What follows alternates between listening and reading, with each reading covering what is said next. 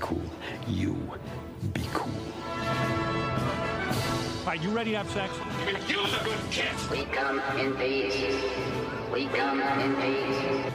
You are the motherfucking Antichrist! We're gonna let you go, okay? Ok. Film er best på radio. I'm gonna make him an offer he can't refuse. Nova Noir.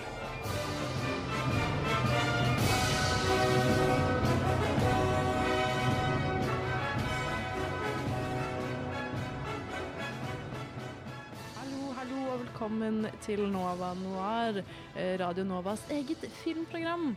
Og som et filmprogram så er vi jo selvfølgelig ikke bare opptatt av selve filmen, men også hele prosessen av det å lage en film. Heldig for oss eh, så finnes det masse dokumentarer og til og med fiksjonsfilmer og det imellom som tar for seg det å lage en film. Og det er det vi skal se nærmere på i dag, eh, med alt fra Hearts of Darkness og Lost in La Mancha til Shirkers og American Movie. Det er masse, masse godt å snakke om i dag. Jeg er, eh, heter jo da Ina Sletten, men jeg er heller ikke eh, alene her i studio, for jeg har jo en trofast, eh, en trofast eh, nover, nemlig Embla Aaslein. Hei, hei. Og et he en helt ny stemme, Jørgen Skogsrud. Hallo. Hallo, hallo. Du Du hø hører på. Radio Nova.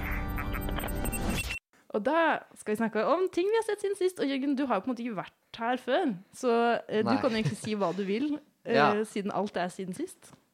Jo, det, ja, i så fall har jeg sett veldig, veldig mye. Men eh, det holder kanskje å trekke fram eh, det største jeg har sett i, i det siste. Det er vel kanskje den eh, Snyder-cutten av Justice League. Ja. Spennende. Fire timer. Fire veldig lange timer. Jeg tror jeg så den over tre kvelder. Er den så lang? Nei, fire timer. Nei. Jo, jo. Det har jeg, ingen, jeg har hørt så mye om den, og ingen har nevnt at den er fire timer. Det er den. Den er delt opp i deler, til og med. Den har liksom sånn miniseriestruktur, egentlig. Men uh, ja, den er lang, ass. Eh, Hva syns du om den? nei, altså, den var jo ikke veldig bra, syns jeg. Men liker du, liker du superheltfilmer? Først og fremst. Uh, jeg liker noen av dem, men ikke alle. Uh, Marvel har jeg så som så forhold til. Uh, noen av de Marvel-filmene er jo ganske kule, men uh, det er jo de DC-filmene har jeg aldri helt fått sansen for. Jeg så jo ikke den opprinnelige Justice League-cutten, så jeg vet ikke om Snyder-cutten er bedre, men uh, fått inntrykk av at den er bedre, i hvert fall. Det var mest bare for å, for å få sett den, egentlig. Bare sjekke den av og være med på den, eh, på den lille bølgen der, da. Men over tre kvelder, det høres ut som en veldig slitsom film å se. Da hadde du ikke så lyst til å se den hvis du så den over tre dager, eller? Nei, det, det var som sagt mest bare for å få det unnagjort og være liksom, kunne ha mulighet til å snakke om den. Men eh, MOI det var jo noen scener som var litt kule òg, faktisk. Eh, faktisk. var- Faktisk. I løpet av de Eh, fire timene så var det et par kule scener. det var et par kule scener. Det var noen sånne noe slåssescener og litt sånn fyrverkeri og slow motion-spetakkel fra Snyder. Så det var, eh, Ja, men det, det var sånn, fire bombastiske timer. det er sånn film som uh, Den fikk jo bare seksere da den kom ut nå. Men alle jeg har pratet med som har sett den, syns den er dårlig. Så det syns jeg er litt sånn interessant. Men anmeldere elsker den. Ja, Det virker som det er en slags uh, sånn uh, uoverensstemmelse blant publikum og kritikere der. Det var jo mye, sånn mye av fansen som ville få den Snyder-cutten ut, som jeg skjønte det. Og det fikk de jo til. Eh, så de er vel veldig fornøyd, tror jeg. Det er anmelderen nå, men eh, jeg var ikke sånn kjempeimponert.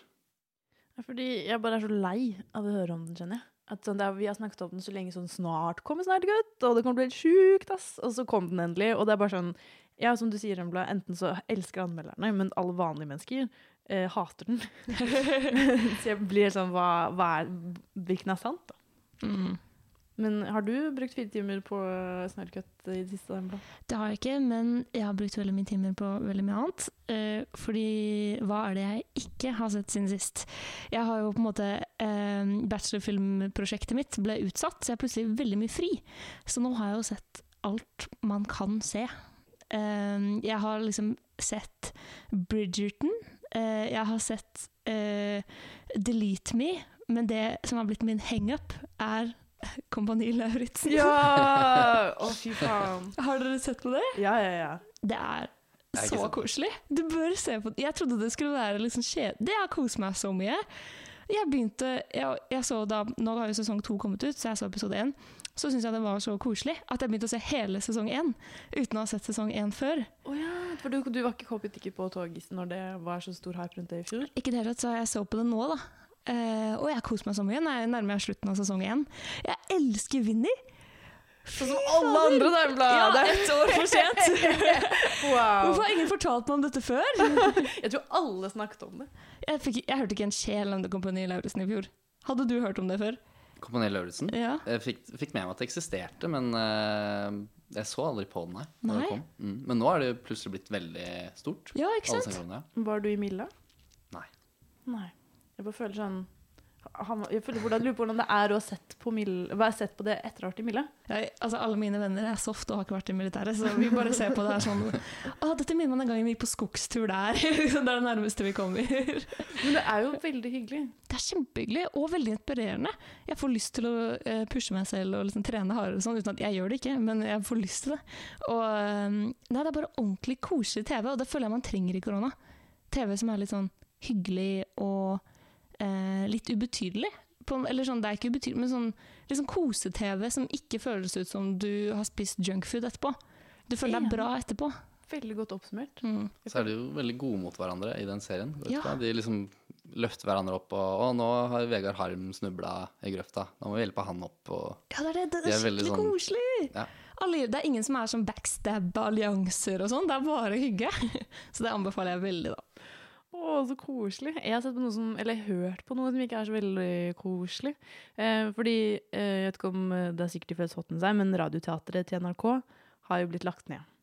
Så da er jeg blitt veldig opphengt i radioteater. eh, fordi jeg har vært, eh, ble, leste en god artikkel om det i, i Morgenbladet. Og eh, en som har kommet ut med sitt eget hørespill nå, er Jo Nesbø. Har kommet ut med en, et hørespill sammen med Aftenposten. Um, som heter Sjalu- Sjalusimannen.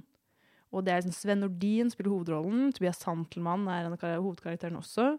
Eh, Thea Sofie Loch Ness er med. Iben Akeli er med. Så det er veldig sånn prestisjehørespill. Så første episode er ute, én av fire. Jeg glemte jo på en måte en veldig essensiell ting, og det er at jeg liker jo ikke krim. jeg er jo ikke litt interessert i krim engang. Eh, så, og det er, det er så mye greier. Sånn, det er plassert i, i, i Hellas. Oi. Som for det første er bare sånn Hvorfor det? Sånn Tobias Santelmanns karakter heter Jorgos. Så jeg blir bare sånn, Det er kjemperart. Eh, og- Sven Nordin altså sånn, Det er jo på en måte Det jeg også syns er cringe på en måte da, med krim, er ofte at det er så sånn tu- tullete resonnementer. Eh, så Sven Nordin han sier for eksempel en veldig morsom ting som jeg skrev ned på mobilen. Eh, for da driver han liksom og snakker om seg selv. da. Og så sa han Jeg blir alltid fristet av det som avviser meg. Som lukker meg ute. Upålitelige fortellinger. Kvinner. Logiske problemer. Menneskelig atferd. Og mordmysterier. Det er det oppsummerer alt med krim! Som jeg syns er utrolig teit. Men det er jo for så vidt godt laget. Sånn, de er veldig gode på dette med romlyd og sånn. Sånn eh, Thea Sofie Loch Ness er en, spiller en sekretær. Og hun er egentlig aldri med, hun bare hører henne rope ting fra andre rom og sånn. At det er bare sånn, De snakker om en eller annen låt, eh, og så er det sånn Det er Ed Sheeran! og, så, og så er det på en måte det. Så sånn sett er det bra produsert. Det er bare eh, hvis, Du må like krim, da. Ja. Det er en essensiell eh, del av det. Hvor ligger det? Det ligger på Spotify. Ah. Så det er første episode nå. Jeg vedder på at de kommer ut ganske fort, siden det er påske og sånn nå. Hva heter det for noe? Sjalusimannen. Oi, det var dårlig tittel. Ja, det er veldig dårlig tittel. Der tror jeg vi kunne fått på noe bedre. Og så er bildet her helt gult med en sånn sort rose. For han har blitt litt dårligere på titler eh, med årene, egentlig. Jo Nesbø. Har han Flaggermusmannen? sånn Er det Det var den første, var det ikke det? En av- Vent, så han har ja, okay, Snømannen. Flaggermusmannen Ja, det er mann. mannen, Det er, ja. Skumle menn hele tida. Ja. Men vi skal også videre på eh, mange andre menn eh, som eh, har veldig dårlig sammenligning for øvrig. Men vi skal få videre på filmer om eh, filmer, og da blant annet eh, to filmer som handler om to litt gærne, men veldig kjente regissører. Eh, både eh, Francis Ford Coppola og Werner Herzog. Det skal vi snakke mer om straks, eh, men jeg tenker vi skal høre litt på A-lista. og da nærmere bestemt Skådespelsamfunn av Sliten eliten. Du hører på Nova Noir. Hey, who do you think you are, anyway? Answer me, or I destroy you! Og da skal vi eh, begynne på dagens tema, eh, som nemlig handler om ja, filmer om å lage film. Veldig meta. Men jeg sitter jo i, i studio her med to stykker som prøver å utdanne seg eh, innen, innen filmfaget. Prøver. Ja. Prøver, da. Prøver. er på vei dit, i hvert fall. Det er det planen er. Mm, men ja, filmer om det å lage film. Hva er det som er spennende med det? Er det, eller er det, er det spennende? Jeg syns det er veldig spennende. Eh, Det gir på en måte innblikk i en verden som jeg føler at filmskaperne kanskje prøver å holde litt hemmelig. I hvert fall når jeg ser disse filmene, så lærer du jo mye ting som har skjedd behind the scenes, som kanskje egentlig er litt sånn hysj-hysj. Eh, Man snakker kanskje ikke så åpent om alt som har gått gærent på sett, så lenge filmen er bra. Eh, Så jeg føler jo litt at man blir sluppet inn i den hemmelige verden, da. Mm. Ja, så er det veldig deilig å se disse store filmskaperne slite så mye for å få til en film. Og så se hvordan de fortsatt bare prøver, prøver og prøver og prøver, og så får de det til. Og det er litt sånn eh, inspirerende, da, for å bruke det ordet, at eh, de, de får det til til slutt. eh, uansett hvilke store motganger de har. Og det er jo ganske mye, som vi kommer til å snakke om senere. Det er jo gikk ikke veldig bra på mange av de settene, da. Jeg føler at dere eh, får dere litt tips og triks. Ja, for det jeg syns er kanskje mest tilfredsstillende her, er jo at eh, vi studerer jo film, og da er det veldig mye som er sånn halvveis, dårlig, eh, mye som går gærent. Vi lærer jo. Men det at disse profesjonelle filmsettene ikke alltid er så langt unna en litt sånn halvveis studentproduksjon, det syns jeg er litt, det er litt tilfredsstillende å se. Altså, man blir litt sånn Å ja, de eh, Det er ikke proffere på en eh, 13 millioner dollar-film egentlig heller, noen ganger. Det syns jeg gir litt.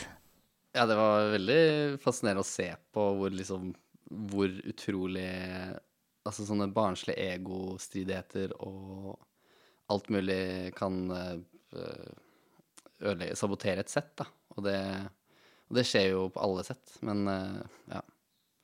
Men jeg føler også at det som er eh, viktig med en, eh, en sånn dokumentar eller en film om å lage film, er på en måte at ja, det er en egen film, da. Eventuelt at det bare er for en YouTube-video av sånn Dette er sånn det er å være på et filmsett, på en måte. At eh, de filmene vi skal snakke om i dag, eh, må på en måte ha evnen til å stå på egne ben også. At det ikke bare skal være eh, Ja, det må være noe kunstnerisk med det også, da, for at det skal kunne bli kalt en film.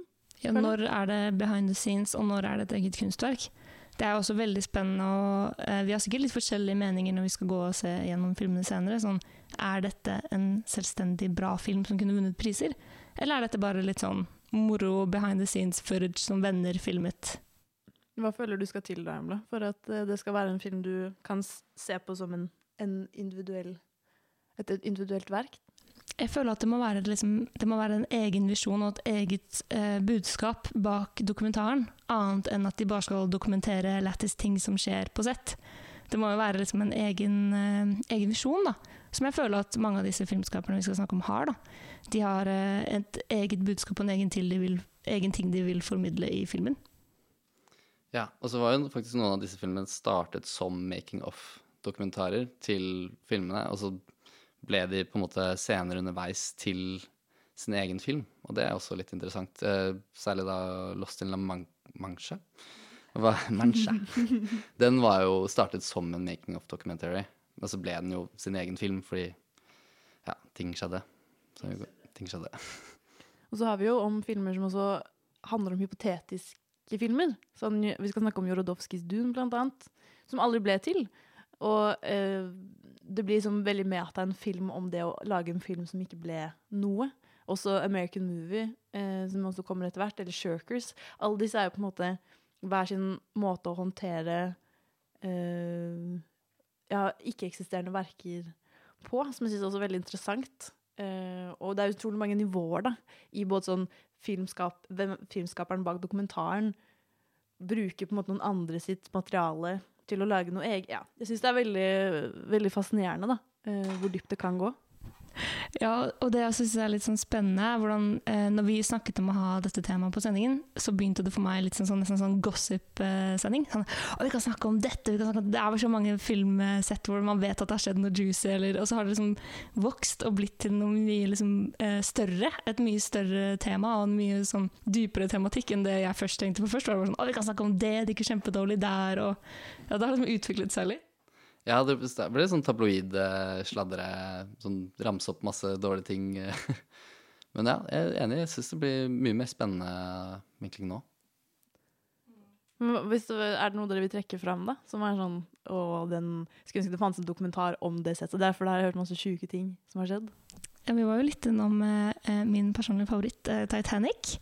Eh, hvor det skjedde jo så mye at eh, ah, den trenger jo en egen film. Eh, men vår favoritthendelse er jo kanskje når crewet, 50 stykker av crewet, ble dopa ned med PCP, som er en slags sånn hallusi hallusinerende hallusigen, altså hallusinerende dop, sånn type LSD, bare eh, mye mer sånn kjent for at du får bad trips og angst. Så 60 stykker fikk litt sånn angst og ble sendt på sykehuset. Og ingen vet hvem som gjorde det! Det er fortsatt et mysterium. Eh, jeg leste en sak som var sånn Det pågående mysteriet hvem som dopet ned hele Titanic-crewet. Det burde du kanskje lage sånn radiokrimteater om. Sant, ass. Oi, wow. Ja, Men skulle- SP-mannen, Jo Nesbø. Enda en mann. Men du, du var jo også veldig interessert i Var det The Lighthouse, eh, Jørgen? Jo, ja, det er jo en ganske nyere film, da. Men det har jo fortsatt kommet en del eh, litt sånn eh, juicy inside info derfra. Eh, de filmet jo i Nova Scotia i Canada, på sett der, som var visstnok helt horrible eh, omstendigheter å filme under. Og masse storm og regn. Og Willem Defoe og Robert Pattison kom visstnok ikke veldig godt overens. Hørt at de ikke virkelig snakket sammen før etter produksjonen var ferdig. Og da var de sånn Å, hei, jeg heter Robert. Hei, jeg heter William. Uh, typ. Og så var det også en, eh, et rykte om at Rob Pattison vurderte å slå til regissøren, altså Robert Eggers, på grunn av noe. Han ville ha veldig mange takes av eh, et sånn regnstormscene, og da ble Rob Pattison veldig, veldig forbanna. Men man kan også, han, Rob Pattinson var så full på sett at han tisset på seg flere ganger og sånn også, har jeg lest. Ja, det har jeg også lest. Så det virket bare som det var et helt horribelt eh, opplegg, egentlig. Ja, det virka ikke veldig hyggelig. Men den filmen er jo også spiller jo veldig på For jeg, ofte så bruker de jo regissører dette som en, en, et sånt um, grunnlag for pres- skuespillerprestasjoner. Det er jo veldig mange regissører som har pushet uh, skuespillerne sine til uh, til randen da, for å få den, Mm. det beste. Og det, for eksempel The Lighthouse han, Jeg har ikke sett den, men de skal jo være litt gærne. De skal jo være litt gærne, og jeg tror jo liksom at uh, locationen jeg er på og uh, miljøet, været rundt, uh, virker som at det hjelper prestasjonene. Eh, men om hvorvidt det er verdt det da, å utsette skuespillere og crew for de eh, For det er jo en annen, annen spørsmål, som er også interessant å diskutere. For det er jo egentlig det vi skal se nærmere på allerede med eh, neste film. Eh, og det er jo da eh, 'Burden of Dreams', som handler om Werner Herzog sin, sitt forsøk på eh, Eller eh, ja, vellykkede forsøk på å eh, filme eh, Fitzcarraldo. På, men ja, på godt og vondt, og på hvilke, hvem sin bekostning, er jo også et eh, evig spørsmål. Men jeg tenker, eh, før vi går eh, videre dit og tilbake til 80-tallet, så tenker jeg at eh, det er på tide med en liten låt til. Og eh, det er nemlig Jada av Isabel Bjørnrås. Er Inglourious Basterds den beste Tarantino-filmen? Nei, det er jo ikke det! Det er ikke det. det er, er det noen som mener noen av dere det? Nei. Sånn helt Ja. Du mener det? ja. Film er best på radio. Nova Noir. Og nå skal vi videre på vår første film for i dag. Eh, og da skal vi helt tilbake til 1982. Til en dokumentar regissert av Les Blanc, eh, 'Burden of Dreams'. Den, ble, eh, den handler da om filmingen av Fitzcarraldo, eh, som kom ut samme år. Eh, en film av Werner Herzog, som er filmet i eh, Peru. Og da spiller Klaus Kinski eh, rollen, han har rollen som Brian Sweeney Fitzgerald, eh, som nå bare går under navnet Fitzcarraldo, ettersom ingen i Peru klarer å uttale hans egentlige navn. Han er operaekspert, eh, som jeg ikke vet om er en beskytt, beskyttet tittel eller ikke. Og, men han har som mål om å bygge et stort operahus midt i jungelen. Men for å ha råd til det må han først tjene seg rik på gummitrær. En plan som innebærer å dytte et dampskip over et fjell med hjelp av den, fra den lokale urbefolkningen. Og eh, filmingen av eh, dette konseptet er like spinnvilt som det høres ut. Så eh, da var ikke Harry så helt sikker da, på at han kom til å få det til. Og da inviterte han Les Blanc ned eh, til Peru for å filme i hvert fall prosessen, sånn at han hadde noe å vise til. Of course, we are challenging nature itself, and it hits back. It just hits back, that's all, and that's grandiose about it, and we have to, to accept that it is much stronger than we are. Kinski always says it's full of erotic elements. I don't see it so much erotic, I see it more full of obscenity. It's just, and nature here is vile and base. I wouldn't see anything erotical here. I would see fornication and asphyxiation and choking and fighting for survival and growing and just rotting away. Og der hørte vi et lite klipp fra Burden of Dreams, eh, hvor Werner Herzog prater om, ja, om det å filme i jungelen, eh, som plutselig handler om ja, det å være grotesk og, og eh, erotisk. Eh, men det er da han blir intervjuet av Les Blanc, som, som prøver så godt han kan å dokumentere eh, dette ja, kaotiske filmsettet. Men hva følte du, Jørgen, når du så eh, Burden of Dreams? Eh, jo, uh, det var jo veldig sånn oppsiktsvekkende å se. Jeg så Fitzcarraldo før jeg så Burn of Dreams. Og etter jeg så Burn of Dreams, så fikk jeg jo mye mer respekt for Fitzcarraldo med en gang. Men også kanskje litt sånn uh, Oi, hva er det du egentlig holdt på med her? For det var veldig mye lugubre ting som skjedde på ett filmsett på en gang. Blant annet Det var jo den bruken av autentisk sånn urbefolkning, altså det å stamme stammebefolkninger i Amazonas. Og det var, ble noe, de ble vel betalt eh, eh, ikke så veldig mye. Tre dollar eller noe, tror jeg. tre dollar om dagen. Mm. Som tross alt var dobbelt så mye av det de tjente i, for å jobbe i åkrene der, da. Men de ble jo ja, De ble kanskje litt eh, sånn utnytta arbeidskraft. eh, for de måtte jo faktisk trekke det 320 tonns båt da, over et ekte fjell i, i Peru, i Amazonasjungelen. Det er kanskje litt mye å be om, men eh, det ble jo en utrolig kul film da. Altså både Fitzcarraldo og Burden of Dreams. For den er jo på en måte en blanding av da intervjuer med, med både cast og, og, og Herzog. Eh, observasjoner fra situasjoner eh, blant casten, og også utklipp fra selve naturen. For det er jo filmet i en i, i jungelen eh, med all dens ja, eh, kjipe eller brutale virkelighet. Og den er jo på en måte Den har denne for tydelige fortellerstemmen gjennom hele eh, filmen. En damestemme som liksom informerer om sånn Sånn skjedde det her, og eh, det begynte på sånn måten. Så du får en veldig sånn ja, jeg, Med en gang så får man jo en veldig sånn dokumentarfølelse av den. Men hva følte du, Embla, når du Det, åh, jeg har jo ikke sett uh, Fiscaraldo, som denne dokumentaren handler om.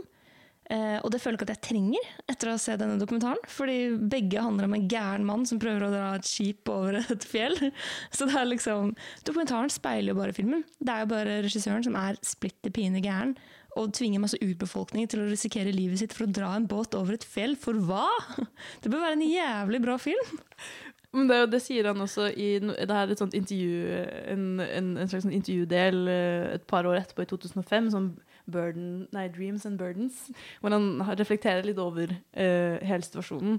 Og da sier han jo også at uh, det ble mye utveksling, eller utbygging av cast underveis. Han hadde jo egentlig filmet 60% av filmen med uh, Mick Jagger og um, Ja, Jason Robards. ja, eh, som dessverre måtte trekke seg pga. Stemmer Eh, helse og, og andre oppdrag. Det er noe som går gjennom, gjennom alle filmene der. Ja, altså. det er noe med cast som er er vanskelig. cast. Eh, Men da sa også Da ble det jo eh, heller eh, Kinsler som ble eh, Nei, Kinski. eh, Klaus Kinski som tok over eh, hovedrollen.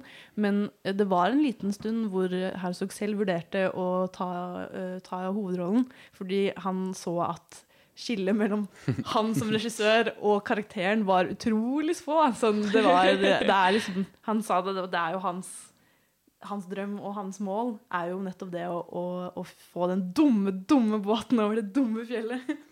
Ja, han insisterer jo veldig på at det skal være en ekte båt, det skal være en ekte fjell, og han, er, han gjør ting litt mer vanskelig enn det behøver å være. Det er vel en scene i filmen hvor en sånn ingeniør sier at uh, hvis eh, Vi skal jo trekke denne båten over eh, fjellet der, og da lager de sånne vinsjesystem for å trekke den over. Og det er det jo selvfølgelig urbefolkningen skal gjøre. Og de, de begynner jo å spørre seg selv innad, da. Hvorfor, hvorfor skal vi trekke denne båten? Hvorfor skal ikke regissøren gjøre det? Og det, det er et godt spørsmål. Eh, Vet du, Ingeniøren sier den også at sånn Ja, det er 30% sjanse for at du klarer det. Resten er sjansen for at alle dør. ja. Eh, Ekte katastrofe er vel ordene han bruker. Ja, og og da, Så gøy at han uh, Herzog sitt svar på det er sånn OK, men hvor mange dør? er det Er det fem? Fem, ti? Altså får han beskjed om 60, og da er han sånn OK, da. Da gjør jeg det ikke. Men han hadde ofret fem til ti folk. og ingeniøren det, sier vel opp rett etter den samtalen. Yes. Uh, fordi Herzog er bare sånn Ja, det går bra. Crazy fyr, da. Crazy fyr. Men det er det jeg også føler at selv om han er crazy, eh, så føler jeg i motsetning til andre regissører som vi skal snakke mer om senere, som vi får veldig dyp innblikk på, så klarer jeg liksom ikke å bli sint på han. Jeg syns at han har Han får liksom For det første så er Liz Blank veldig, veldig god på å stille ham til viks. For eksempel så ble han konfron eh, ble konfrontert med hvorfor urbefolkningen sover et annet sted enn resten av crewet. Um, og da må han jo på en måte svare, og han har jo et kjempeteit svar, men bare sånn 'Jeg vil ikke blande de to verdenene', og de, skal ikke få lov, de burde ikke bli påvirket av vår vestlige kultur, eh, og sånn. Men uh, samtidig så har det et eller annet med bare måten Herzog prater på, og ordene han bruker, som gjør at jeg bare sånn Ja, ikke sant. Jeg skjønner deg helt, jeg. Han er veldig overbevisende. Veldig. Eh, Mhm. Du får inntrykk av at det kommer fra et godt sted, om at han vil ivareta deres kultur, på en måte. Men sånn, ja, samtidig så er han jo ikke redd for å utnytte det heller, da. Ja, for det er det jeg følte først. At sånn, oi, han har veldig respekt for urbefolkningen, og han vil ikke liksom, eh, pushe på den vestlige kultur. Og så begynner jeg å skjønne at alt dette er bare bullshit-grunner for å utnytte dem. da. Det er for å betale dem lite, det er for at de skal sove på et sånt skittig sted. Liksom, det er jo ikke, eller jeg begynner etter hvert å miste troen på at det handler om sånn respekt. Jeg føler etter hvert at det egentlig bare handler om billig arbeidskraft, og at han nesten bruker dem som sånn slaver. Jeg føler jeg tenkte mye på uh, i forhold til egentlig alle filmer vi skal snakke om i dag, men om de kunne ha blitt lagd i dag. For sånn som uh, ja, Burden of Dreams og Fitzgeraldo sånn, Hadde Werner Herzog kommet unna med det på samme måte som han gjorde nå? For han gjør jo På ett sett så kommer han unna med det, men det var jo så mye problemer med uh, at han skulle produsere der nede. De spredde jo en, De som var mot at han skulle filme der nede, spredde jo masse rykter Mm. om at han eh, for det første skulle drepe alle urbefolkningen og bruke fettet deres som drivstoff. som også er helt vilt. Um, men han får jo liksom kjenne på Og de, de skrev jo masse i tyske mediene, hadde jo så mange rare oppslag om, om filmen. Så bare jeg tenker sånn, Tror dere at man kunne lagd Fitzcarraldo i dag? På ingen måte. Den Nei? hadde vært mye Eller da måtte de ha brukt VFX eller miniatyrer. De kunne jo ikke lagd den sånn som de Det er jo imot menneskerettighetene å lage den filmen. De kunne jo ikke lage den i dag. Ja, jeg tror også det hadde blitt et sånn eh, heftig CGI, eh, CGI-makkverk, da, i så fall. At da måtte produsentene tvunget Herzog til å ta den båten eh, digitalt, eh, eller noe sånt. Eh, så, og så hadde det jo vært masse HMS-problemer med, med tanke på eh, ja, lønn til urbefolkning og det ene og det andre. Ja. Men Werner Herzog sier jo også det at eh, helt, helt i starten så var han jo snakk med Hollywood eh, eh, mm, Ja, med, med Hollywood-produksjonsselskaper. eh, og Jack Nicholson skulle kanskje spille hovedrollen. Og de var sånn Ja, men vi kan filme det inne i et studio. Og du kan til og med filme det sånn i en eller annen sånn botanisk hage. For det er en veldig pen jungel. Eller good jungle, som de kalte det. Og han var sånn Hva mener du med good jungle? Uh, og så uh, bare kuttet han all kontakt med produksjonsselskapene. Og var sånn, ja, vi gjør det på egen hånd, ja. og så bare reiste han ned dit på egen hånd. Uh, med, eller vet ikke om det var fundet på egen men ja. Tok i hvert fall uh, saken i egen hender. Så jeg tror egentlig ikke at han hadde tillatt at CGI um, hadde tatt kontroll. Nei, jeg tror heller ikke det. Da har han sikkert heller forlatt prosjektet, tror jeg. Fordi han er jo veldig dedikert til å gjøre det eh, praktisk. Eh, og det syns jeg jo på en måte lønner seg i, i nesten all film. Eh, F.eks. Christopher Nolan som krasjer et fly inn i et bygg i Tenet. Det er jo mye kulere å gjøre det på ekte. Eh, og det er jo en sånn slags gjenganger i alle filmene òg, at uh, Coppola drar også ut i jungelen og gjør ting på ekte. Um, og på en, på en måte så syns jeg det liksom gjennomsyres inn i filmen og gjør, eh, hever filmen, da. Jeg er jo for så vidt enig i det, men jeg føler også at man Eller vi bør bare kjapt nevne til hvilken pris, for han drepte ikke de 60 i den eh, båtheisingen. Men det var et flykrasj. Noen ble skutt med piler, så de holdt på å dø, som faktisk eh, piler. Han lagde eh, krig mellom to eh, stammer, som faktisk liksom gikk i full ut krig pga. filmproduksjonen hans. Eh, og ja, flykrasj. Og noen ble bitt av en slange, sånn at han måtte sage av benet sitt med en motorsag. Noe de følte var for drøyt, så de klippet ut av dokumentaren. Er det sant? Ja. Ja, det, jeg ikke. det fikk ikke jeg med meg. Nei, det, det glemte de å nevne. Ja, det Men det, det er blant annet sånn En ting de har, gjort, da, eh, den dokumentaren har hjulpet til, eh, er jo at eh, det området de eh, filmer på, det på ikke Det var på en måte ikke navngitt eller eid, eller de hadde ikke noe eierskap over det, de stammene som bodde der. Men Jeg husker ikke helt hvordan det var, men eh, Werner Herzog sin, sin produksjon og filming av det området bidro til at noen år senere at de fikk eierskap over landet sitt. Men i slutten av filmen så står det sånn eh, De kjemper fortsatt for eierskap, Ja. men de fikk det noen år etterpå. Noen år etterpå. Oh, ok, det er bra. Noe Ja. godt skjedde. Men ja, fordi eh, igjen da, bare for å komme litt tilbake til selve sånn, dokumentaren i sin helhet, sånn, syns dere eh, Du sa at du ikke hadde trengt å se Fitzcarraldo for å nyte den. Men syns Ja. du likevel sånn Hva syns du om selve dokumentaren? Jeg syns jo kanskje at den er litt treg. Eh, jeg merket jo at jeg tidvis eh, spacet litt ut, og jeg vet ikke om jeg helt likte voiceoveren, som er en sånn slags Google Translator-dame, som høres ut som Det er en sånn Siri-stemme som bare kommer av og til og forteller hva som skjer. um, men samtidig så føler jeg at det er et unikt innblikk, men av de dokumentarene vi snakker om i dag, så er dette absolutt ikke min favoritt, uten at jeg helt klarer å sette fingeren ned til på hva det var jeg kanskje ikke likte så godt. Og noe merket jeg bare at den ikke var så engasjerende, kanskje. Til at det er en så engasjerende historie. Har de lagd en litt lite engasjerende dokumentar, da? Men hva syns dere? Eh, Jeg er fortsatt enig. Jeg syns den var litt sånn rotete, nesten. Jeg skjønte liksom ikke helt hvor i produksjonsfasen de var når dokumentaren starter, og det var liksom mye som Ja, som du påpekte i Steinblad, at ting ble kuttet ut, sånn som den motorsaghendelsen. Eh, så de kunne jo kanskje hatt med.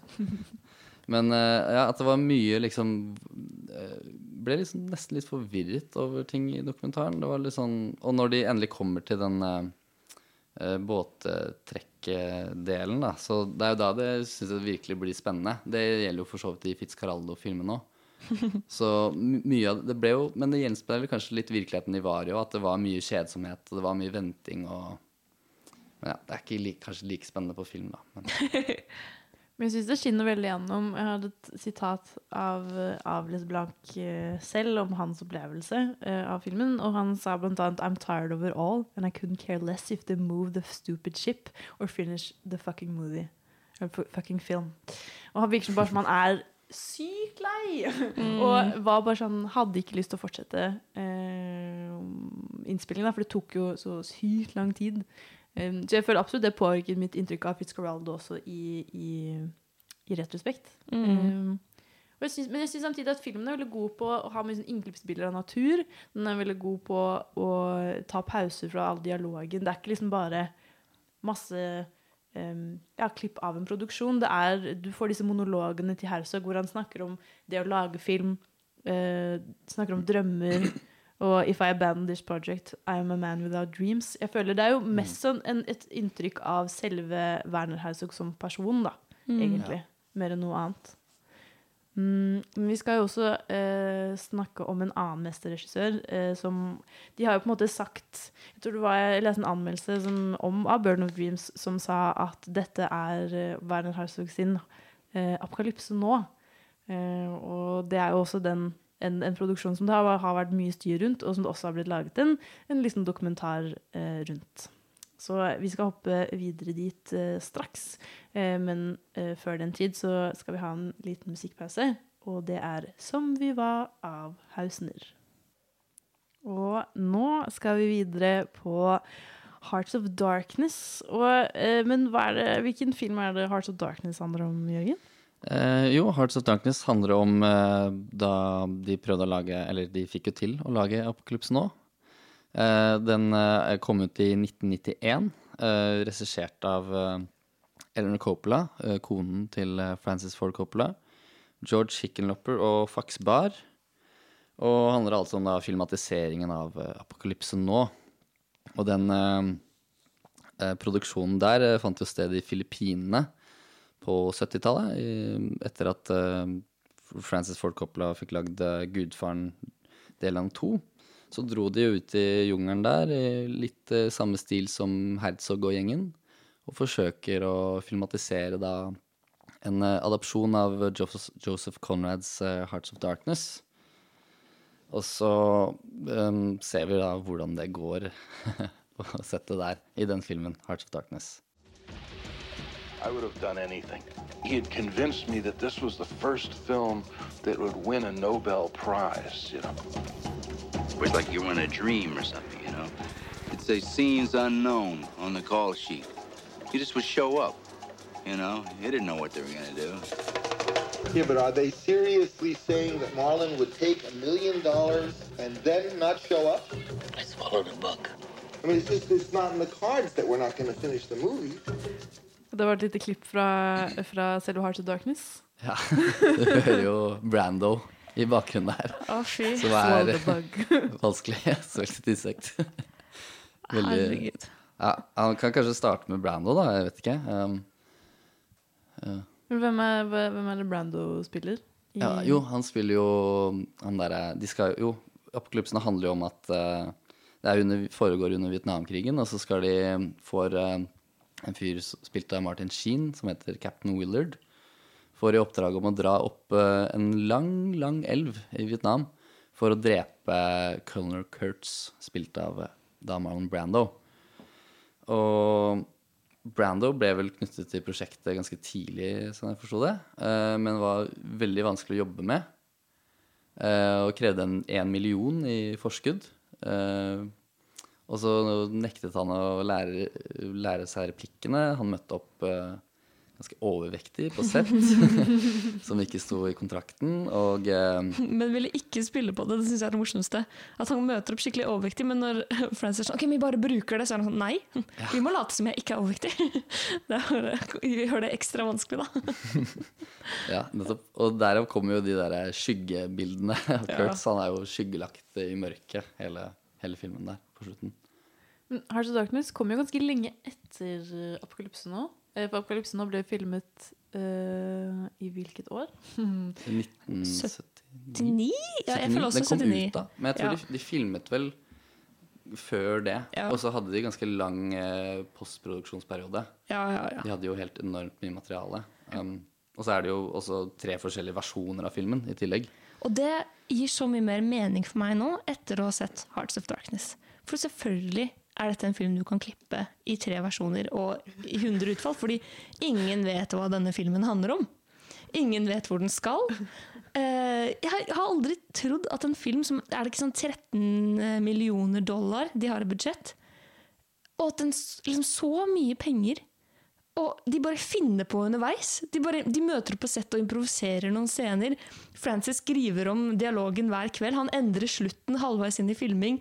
Så utrolig bare sånn lapskaus hele denne produksjonen var. Jeg koste meg så mye med denne dokumentaren, fordi alt var jo helt kaos. Og det er jo moren som har Nei, moren faktisk. Kona. Kona hans. Altså sånn, for denne kom jo da sånn 20 år etter uh, første del, eller første versjon da, av, av filmen kom. Men det er jo da klipp for, som kona hans har tatt opp underveis i filmen. Du får sånn utrolig intime blikk på Francis Ford Coppola, og den, hvor gal han ble underveis. At han bare sitter der foran, skri, eh, foran eh, tastaturet, eller det er jo ikke det, det er en skrivemaskin. og, og bare er helt sånn Ja, bare finner på ting og bare sånn wow! eh, jeg er jo helt, helt Ja, rabler helt foran, egentlig. Virker nesten sånn. Ja, sånn I likhet med Herzog så er det jo sånn to gærne menn som bare går inn i jungelen og blir enda mer sprø underveis. Eh, Men på veldig forskjellige måter. veldig forskjellige måter. Eh, Coppola er kanskje litt mer tydelig på, for han begynner med de rantene og aner jo ikke hva ting handler om, og skriver om slutten, som du sier. Mens Eh, Werner bare er veldig rolig. og veldig sånn, Han bare bruker masse lange, vanskelige ord for å late som at han øh, skjønner hva som skjer, men han gjør jo egentlig ikke det. Men det er derfor jeg har så mye respekt for Coppola her. Fordi han, han viste det kanskje ikke til crewet når de filmet denne filmen, men du ser i dokumentaren hvor ekstremt sårbar han er. Han, mm. for det første, han sier at han vurderer å ta selvmord. eh, Som sier litt hvor han er. Han føler ikke at han kan droppe ut av prosjektet, fordi det er han som har finansiert det og holder i hele prosjektet. Eh, og hvis eh, denne filmen går dårlig, så er han ruinert. De mister huset sitt, de mister alle pengene han har tjent på Gudfaren.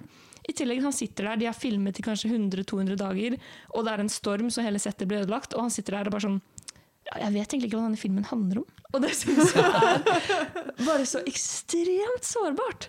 Og at han kan være bare sånn eh, Og det verste er at eh, man ser jo også i denne dokumentaren at han tror jo at denne filmen kommer til å floppe. Han sier jo i slutten nå skal jeg bare akseptere og si til meg selv at dette er en dårlig film. Det er en dårlig film, kan vi bare si det. Dette blir en dårlig film. Og det at han tør å sitte han, Det er der han kom. Det, eller det er der han var når filmen slutta, og så har det blitt liksom et mesterverk i ettertid. Men så syntes han selv den var så dårlig og hadde null kontroll, og alt var kaos. Ja, det er ganske sånn oppsiktsvekkende å se egentlig hvor utrolig lite planlagt ting var på det settet. Og så ser du Jeg så Apokalypse nå for lenge, lenge siden og har et veldig nært forhold til den. Og så ja, er det egentlig ingenting som går etter planen. Men allikevel så er filmen, altså sluttresultatet da, så bra. Det er ganske imponerende. Samme det, Jeg så Apokalypse nå for første gang eh, dagen før jeg så Hearts of Darkness. Og jeg, jeg så det med samboeren min, og vi satt og var sånn Hva er det med denne filmen? Fordi den gikk veldig inn på oss begge to. Men ingen av oss kunne liksom si helt hva den handler sånn, Den handler jo om mange ting, men det kunne ikke være sånn det er dette der, eller dette, å, det er en film om dette. Det var veldig sånn stemningsbasert. Vi begge to var veldig rare etterpå. Eh, Vi satt liksom i stillhet i en time, så var begge sånn Tenker du også på filmen? Ja, ja. liksom, ingen av oss skjønte helt hva det var. Og, og jeg føler at eh, det er derfor filmen funker, er fordi det handler liksom om folk som bare går til vanvidd. Og produksjonen speilet filmen, og derfor funket det. Mm, Men du nevnte litt eh, på forrige Når vi snakket om Burden of Dreams, at sånn, du hadde ikke følt at du trengte å se Fitzgeraldo. Men jeg tror at hvis jeg ikke hadde sett Apokalypse nå før jeg så Art of Darkness, så hadde jeg skjønt veldig lite. Mm. Uh, for du får egentlig bare Det er veldig mye intervju Eller sånn uh, filming av de som er med i um, De som er liksom med i filmen. For eksempel er jo en helt sånn eh, vill, et vilt intervju med han som spiller han surferen. Um, om dette med å ta dop på sett og sånn. Uh, og uh, hvis du, jeg føler at hvis jeg ikke hadde sett filmen og fått den følelsen som jeg fikk av Apolypsen så hadde jeg ikke skjønt tyngden av at han bare er sånn Ja, tok du, har du tatt eh, LSD på, eh, på, på sett? Ja, sure. Har du, har du røykt? Sure. Sånn, tok du, for det er en scene hvor uh, han blir spurt i filmen om han har tatt, ja, da hvor han sier at han har tatt syre. Og så sier han sånn, ja, tok du, hadde du tatt syre da? Nei, ikke den gangen. Det var mer sånn speed-vibe jeg hadde lyst på, uh, på, den, på den gangen. Og jeg føler sånn, Selv om det er en helt et helt fantastisk intervju, at han bare er så utrolig ærlig om hva han har drevet med, så er det samtidig at jeg tror ikke jeg hadde uh, klart å sette pris på det på samme måte hvis jeg ikke hadde sett filmen. Og det tror jeg er liksom, måten jeg føler Heart of Darkness skiller seg for, i hvert fall Burden of Dreams. da. Mm. Jeg vet ikke om dere er enig i den påstanden?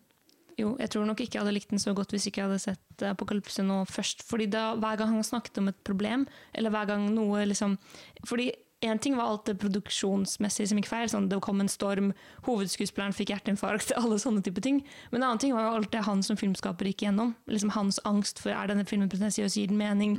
Og alle de bekymringene han har, føler jeg speiles liksom på en måte i filmen. Og jeg skjønner etter å ha sett filmen hvorfor han føler det sånn. For det er en film hvor du ikke helt skjønner hva den handler om, og da, da skjønner jeg hans frustrasjon. Jeg føler veldig med han, og jeg sitter og er sånn Å, så deilig at du egentlig ikke visste hva du drev med! Fordi da, da er vi to, på en måte. Ja, og så hadde jo Orson Wells tidligere prøvd å filmatisere den også, Mm. og møtt på egentlig de samme problemene som Coppola støtte på. Mm. At uh, egentlig ikke ante hva det handlet om, for det handlet om for mye. Mm. Og så var det vel uh, manusforfatteren som fikk en utfordring fra uh, læreren sin om at dette er helt umulig å skrive et manus av. Og da, Jeg husker ikke hva mannsforfatteren heter, men han tok jo den utfordringen på strak arm. Og Ja, det er altså en veldig morsom scene når eh, Coppola når et punkt der han har, han har skrevet om hver eneste kveld, så han skjønner ikke hva filmen handler om lenger. Og så tar han rett og slett bare og eh, ringer han manusforfatteren, så han manusforfatteren flyr inn. Og alle er sånn 'Nå kommer manusforfatteren, han skal redde filmen', Coppola har mistet det, han skal fikse filmen. Så har han manusforfatteren et møte med Coppola en time, så kommer han ut og bare 'Ingenting gir mening, gjør alt', så har blitt helt lik. Etter bare en time. Men jeg føler også at, uh, som vi snakket om i Burn Dreams igjen, at denne filmen kunne aldri blitt laget i dag! Og denne, altså sånn, det går jo ikke an, for nettopp dette med å utnytte ressurser og utnytte et land på den måten, sånn måten de bare sprenger på, og måten de bare utnytter sånn, landsbyer på. Det er jo helt vilt. Og igjen, da, med uten å ha en plan. Han bare, ja, vi bare prøver. Og det er jo også sånn når de driver med all den sprengingen, så er det jo øh, så er det masse de går glipp av. Det er masse film som blir ødelagt underveis, og sånn, som bare er bortkastet. De har bare sprengt ting uten noe eh, formål. Og så har jo ikke noe bevis på at det skjedde engang. Bare, de bare ødelagt landskap, liksom. Det, bare, det kunne aldri blitt gjort i dag. Nei, det tror jeg neppe hadde fått lov til. Og så var det vel når de skulle bygge det De skulle bygge det derre eh, leiren til han eh, Kurtz, og da var det vel 6, 600 sånne Igjen, da, hadde hyret inn eh, noe um, ur, urbefolkning Nei, hva var det det var? Det var mennesker som bodde i nærområdet som egentlig ikke var filmarbeidere, var det ikke? Ja, og de hadde han bare brukt som byggearbeidere. Og til å spille sånn hoder, avkappede hoder. I mange timer! Hvor de bare måtte sitte i stolen. De hadde sånne parasoller fordi de bare var gravd under bakken. Ja, det er helt sykt. Men du merker at de blir sprøere og sprøere jo mer de nærmer seg slutten. Og det gir også meningen at slutten i Apocalypse nå er så rar. Eller er så vag. Og jeg har alltid tenkt sånn, eller jeg så den, og så var jeg sånn er, Her er det veldig mye rar dialog fra uh, Marlon Brando sin karakter, Kurtz. Og liksom, hva er det han mener? Og, og så når du ser på det Fordi han sitter jo bare og improviserer i tre uker. Og det er sånn, da får du jo se behind the scenes, og da sier han liksom noen vage replikker om livet, og sånn, og så stirrer han dramatisk ut, og sier han sånn Uh, nå kommer jeg ikke på noe mer dialog. er, det er egentlig skikkelig sånn antiklimatisk i filmen. Og han leste jo ikke manus. Nei. Det var kjempefrustrerende. Han var bare sånn, kom på sett og var sånn ja, Frances fortalte det, at de hadde liksom hatt en samtale om, om boka. Og så var det bare sånn Du, du har jo ikke lest boka. Sånn, du har hatt den i Du har visst at du skal spille den rollen i flere I hvert fall en måned. Og du har ikke lest litt av boken. Han skjønte ikke litt av meningen i det hele tatt. Det er sånn, kan vi, altså Hvorfor fikk han så mye penger og har så mye cred når han kommer, eh, er overvektig, har ikke lært seg replikkene og vet ikke hva han driver med? Unnskyld meg, det er uproft. Men prestasjonen i filmen er ganske bra. Ja, men hvordan Det er jo helt fantastisk. Det Kanskje- funker jo så bra. Helt utrolig. Ja, men det er feil. Vi skal ikke rose han for det opplegget der. Det er bare sånn han er. Han er Kurt, det er bare det. Det er sånn han kom unna med det. Han spiller seg selv. Men det er det som er veldig flott da, med sånn dokumentarer som Hearts of Darkness, som får liksom s- vist sånn nøyaktig da, hvordan den regissøren oppfører seg, sånn, hvor, hvor gal uh, Francis kunne bli, hvor utrolig udugelig Brando er å jobbe med. Men hva med filmer som aldri ble til? Hva med filmer som eh, var så nærme å bli eh, fullført, men enten ikke fikk nok penger, eller skuespilleren forsvant? Hva skjedde med de? Nå skal vi snakke om en eh, som heter Jorodowskis Dune. Eh, som også handler da om, kanskje, i hvert fall ifølge den filmen, da, eh, tidenes største Altså det mesterverket som, som verden har mistet eh, fordi vi ikke trodde nok på det. Men eh, jeg tenker at det er på tide med litt musikk. Eh, og nå skal vi høre My Lover av Ida Toulou.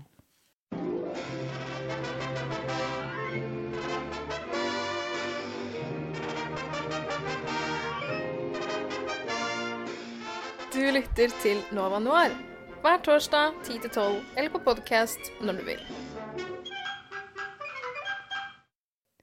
Og nå skal vi litt lenger fram i tid. Vi har jo holdt oss litt på 70-80-tallet om, om der omkring, men nå skal vi til en dokumentar som kommer fra 2013. Den er regissert av Frank Pavich og handler da om eh, Jorodowski, mannen bak kultfilmer som El Topo og The Holy Mountain, sitt forsøk på å lage og filmatisere eh, Dune. Altså, dette er før Star Wars, det er før Alien. Han forsøker da å bruke uh, et, et helt fantastisk cast uh, og, og crew til å lage den største, angivelig, da, hvis du skal tro, uh, tro dokumentaren, den sjukeste sci-fi-filmen menneskeheten noen gang hadde sett. 3,000 drawings. I shoot the picture, point of view, movement of the camera, dialogue. Designing the spaceships, the clothes, the whole look of his world. The castle. Open the mouth. Uh, the spaceship came in the tongue. His vision was so huge, so beyond what anybody else was doing at that time. Things that George Lucas wasn't even going to try with Star Wars. It's enormous. Det var et lite eksempel fra eh, litt utdrag da, fra eh, Jorodowskis Dune. Og som, eh, jeg, jeg husker ikke om det var akkurat Jorodowski som sa det, men det er i hvert fall en eh, som blir intervjuet, som sier at en film uten galskap kan aldri erobre verden. Og det er jo på en måte gjennomgående på de to første vi har snakket om også, og eh, om denne hypotetiske filmen. Eh, vet ikke, har, nå er det jo Dune veldig i luften, da, for det kommer jo en eh, Denise Villeneuve-innspilling av Dune eh, snart. Men hadde dere hørt om eh, Rodowskis dun fra før? Ja, jeg hadde hørt om det, at han hadde forsøkt seg på det, men jeg har aldri sett dokumentaren før nå. Til eh, anledning denne sendingen, og jeg er veldig glad for at de gjorde det. Har du noe Eh, forhold til Jorodowski fra før, da? Nei, eh, jeg hadde egentlig veldig lyst til å se El Topo og Holy Mountain før jeg skulle se Jodorowskis Dun Bare for å få et lite innblikk av hvordan han er som eh, filmskaper, men eh, rakk dessverre ikke det. Men jeg følte jo egentlig at jeg fikk et ganske bra inntrykk eh, av dokumentaren i seg selv. eh, og et fint portrett av selve mannen også. Han er helt fantastisk eh, karakter. Så kjempe, kjempekul, eh, har jeg inntrykk av. Um, Utrolig god for historieforteller, bare. Sånn, Mm. Hver gang Ja. han skal liksom fortelle ja, om hvordan han fikk et, et med, eller en, en av skuespillerne, for eksempel, så er det bare sånn Han forteller det med den innlevelsen. Og bare sånn, jeg, jeg bryr meg egentlig ikke om om det er sant eller ikke. skjønner jeg. At sånn, Han får jo da uh, Hypotetisk sett skulle han jo hatt uh, for eksempel Mick Jagger uh, med i filmen sin som eh, en av eh, skuespillerne. Og da forteller han jo på en måte om dette eh, folkefylte rommet på en fest. Eh, helt tilfeldig så er også Mick Jagger der. Mick Jagger, også. og så får de bare sånn øyekontakt med hverandre eh, eh, på hver sin side av rommet, og så kommer Mick Jagger, og eh, folkemengden deler seg opp. Og så sier Jorodowski I want you in my movie. Så er han bare sånn Yes! Eh, Boy Meets girl er det Ja. nesten, egentlig. Veldig. Herregud. You're not like other directors. Mick Jagger er gjenganger i filmer som ikke blir til. Uh, jeg føler bare at um, uh, dette er liksom Jeg vil veldig gjerne tro på det denne filmen bygger opp, som er at denne filmen hadde vært den beste filmen laget noensinne i hele verden. Men du får jo etter hvert litt sånn Hadde den egentlig vært så bra? Sånn, det er det jeg i hvert fall etter hvert i den dokumentaren begynner å føle. Sånn, de bygger det opp som bare den beste filmen noen gang ikke laget, si. Eller, Og jeg begynner å lure. Liksom du sier sånn, du, du I starten bryr du deg ikke om det er sant engang. Men jo lenger inn jeg kommer, så mer sånn Nei, kan ikke ha vært altså, sånn, Det må ha vært grenser, eller sånn. Det bare tar helt av.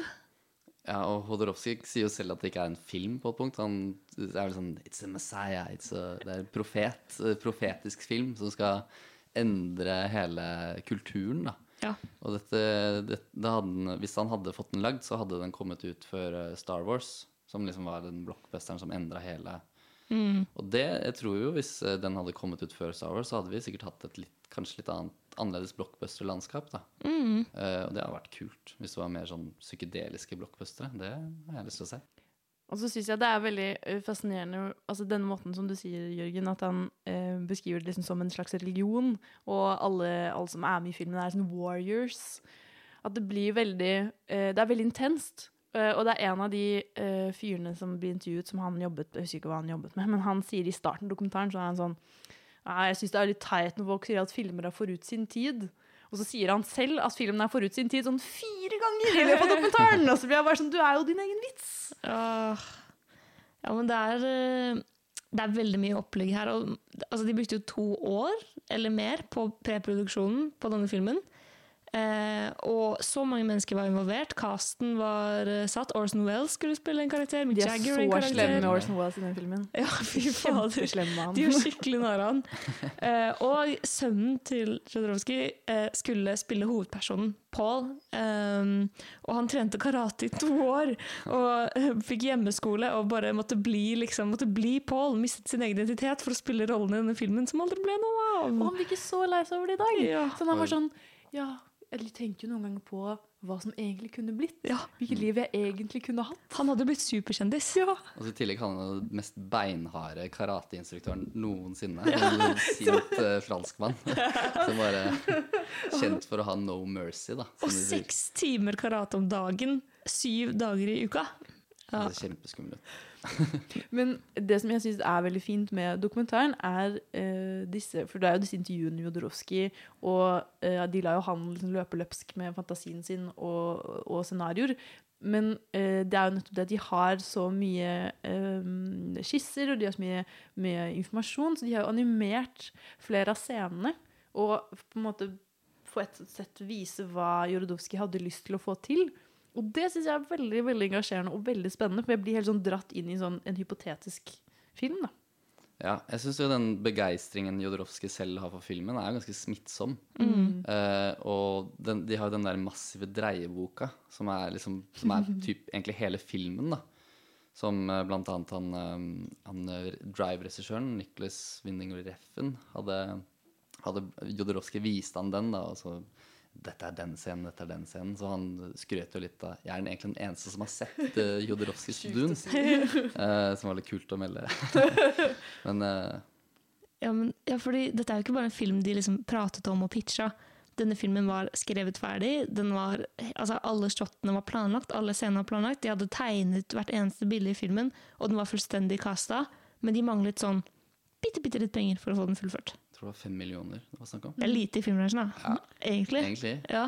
For han hadde jo skaffet ti mil selv, hadde solgt alle tingene sine. Hadde satt jo igjen med, Han ble jo også litt gal på slutten der. De sa jo mm. det at han ikke ble den samme etterpå, for han har jo på en måte lagt all sin ja, hele livet sitt inn i, inn i den. Men jeg er jo på en måte, jeg er litt uenig med det du sier, Emla, om at eh, jeg mistet mer og mer troen på Rudoski. Fordi ja, ok, litt etter hvert det blir veldig mye med dette warrior-preiket og dette, Mm. denne pilegrimsreisen som han er på. Men um, det er jo liksom til slutt, når uh, de faktisk viser til ringvirkningene til Dune. At Mm. sånn, de hadde jo castet, eller ansatt en, um, en, en, en tegner, som var jo han som designet Alien uh, i Alien-filmene uh, flere år senere.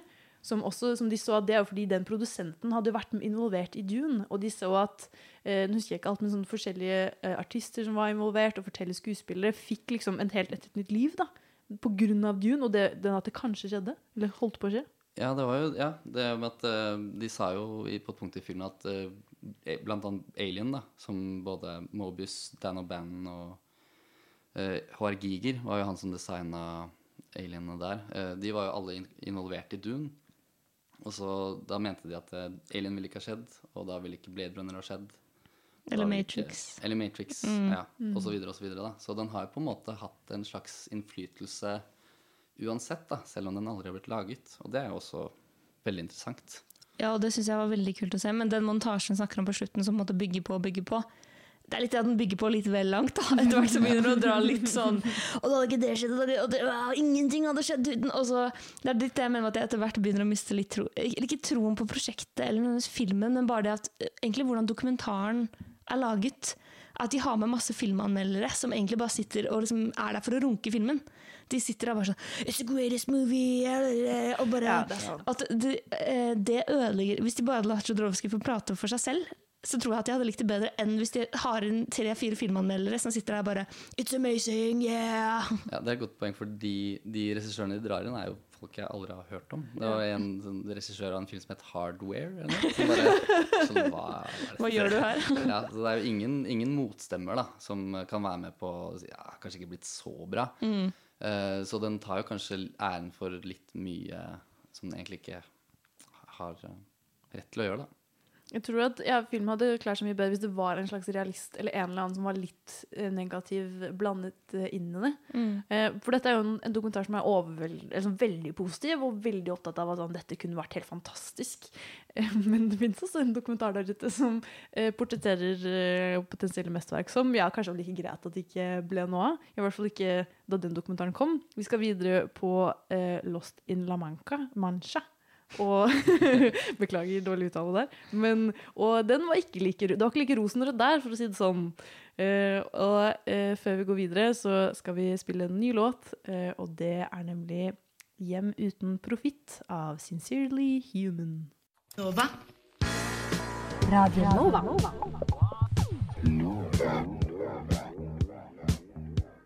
Du hører på Radio Nova. DAB, nettspiller og mobil.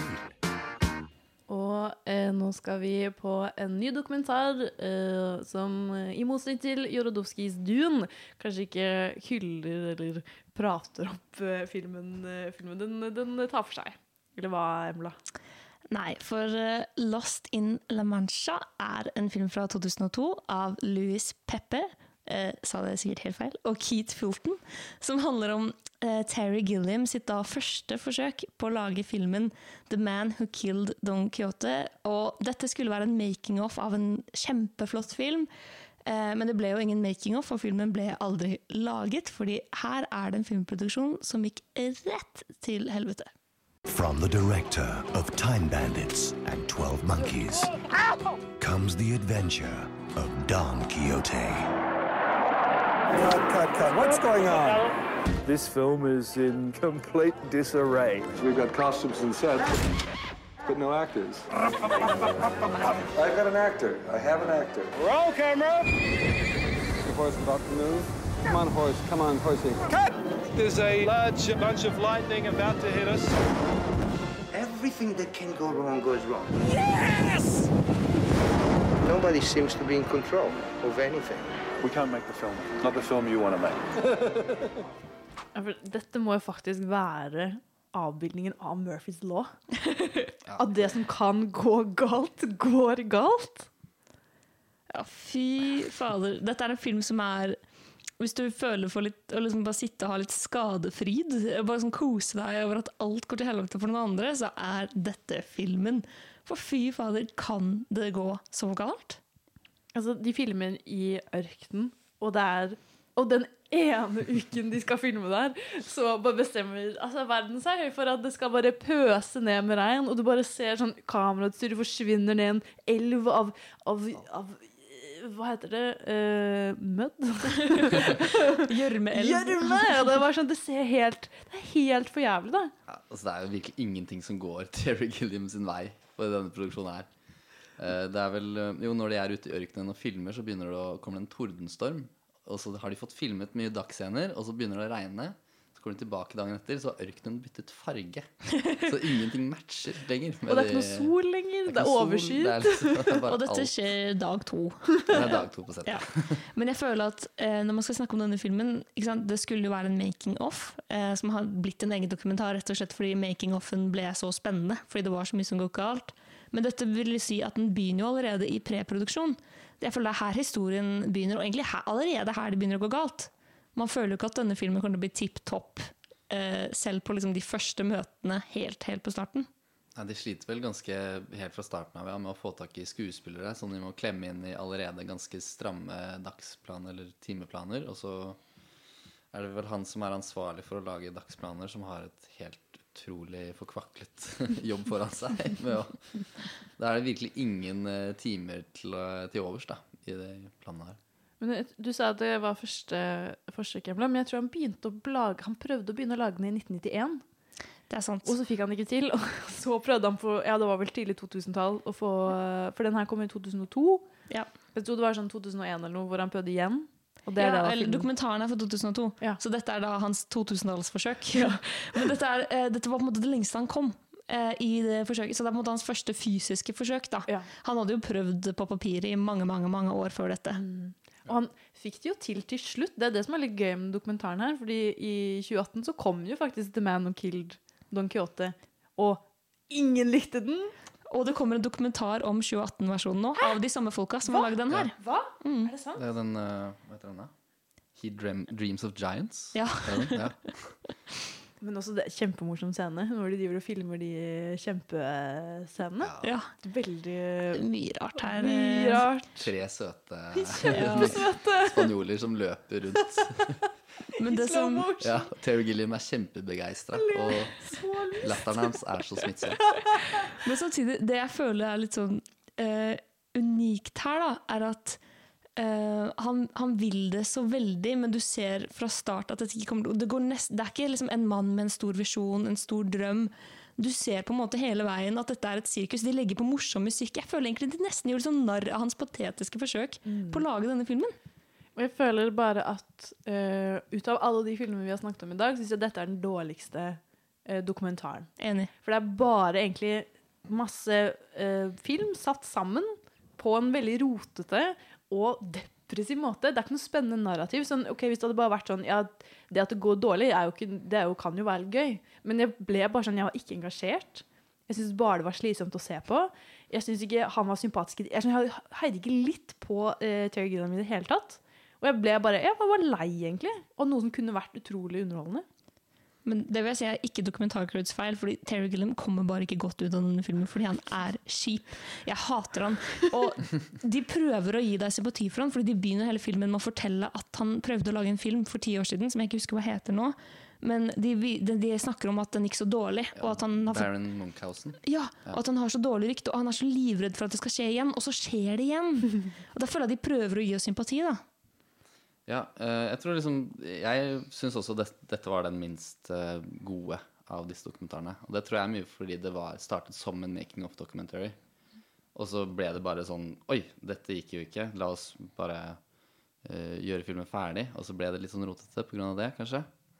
Men jeg syns ikke Terry Gilliam er så usympatisk, uh, akkurat. Det er vel bare mer at han, han har veldig mye å tenke på. Og Han har veldig, er ganske stressa. Og så Ja, eh, han forsøker jo bare å, få- å få til denne filmen, men eh, Men heier du på han? jeg har jo veldig lyst til at han sk skal få det til. Jeg heier jo på stort sett alle filmskapere, men, eh, men ja, han jo Han eh, blir jo fort eh, sur, da.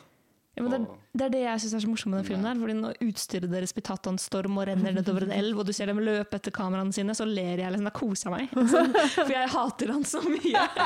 Jeg syns han fortjener det. Ja, Der satt jeg og var sånn Nei, nei, stakkars. Du har et godt hjerte, Jørgen. Det er, det er sånn man skal tenke. Men uh, skal jo sies, han holder jo liksom motet oppe da, til et visst nivå, i hvert fall. Han, uh, jeg vet ikke om de den, han ler jo veldig mye, men det er kanskje en mer sånn nervøs uh, Nervøs latter. oh, fuck-latter. Nå går det gærent her. En coping-mekanisme. på at ja, bare det går, alt som kan gå galt, går galt. Da, på en Bare le smerten bort. Det er bare sånn at Johnny Depp er på en måte hans hovedskuespiller, så i alt dette kaoset sitter Johnny Depp der med en sigg og bare ser på alle sånn Og den blonde sånn stripen i håret. Og så bare, og, men det, jeg synes Johnny Depp er så søt, for han er bare sånn hver gang Terry og er sånn Ja, så gjør du det her, da? Sånn, ja, mm, ikke sant? Og mens det var sånn, Han må jo sånn skrike på en fisk og bare er helt sånn gal, men, og han gjør det. Samt, og nøler aldri. Han er utrolig profesjonell. Ja. Og det synes jeg, Han kom ganske godt ut av den dokumentaren. Mm. Nei, jeg, Jeg tror Johnny Depp eh, visste nok ganske godt at dette ikke kommer til å gå. Jeg føler han merker allerede i prepio det. Det er noe med hele Ja. kroppsspråket hans som er sånn TV er sånn ja, ja, ja, dette blir så bra, så smiler han ikke. Han bare Han ser sitter på han. bare er sånn Ja, OK, greit. Ja. Det er greit, det, terror. Jeg får penger for å være her, så ja. Mm. Det er litt den viben hele denne filmen har.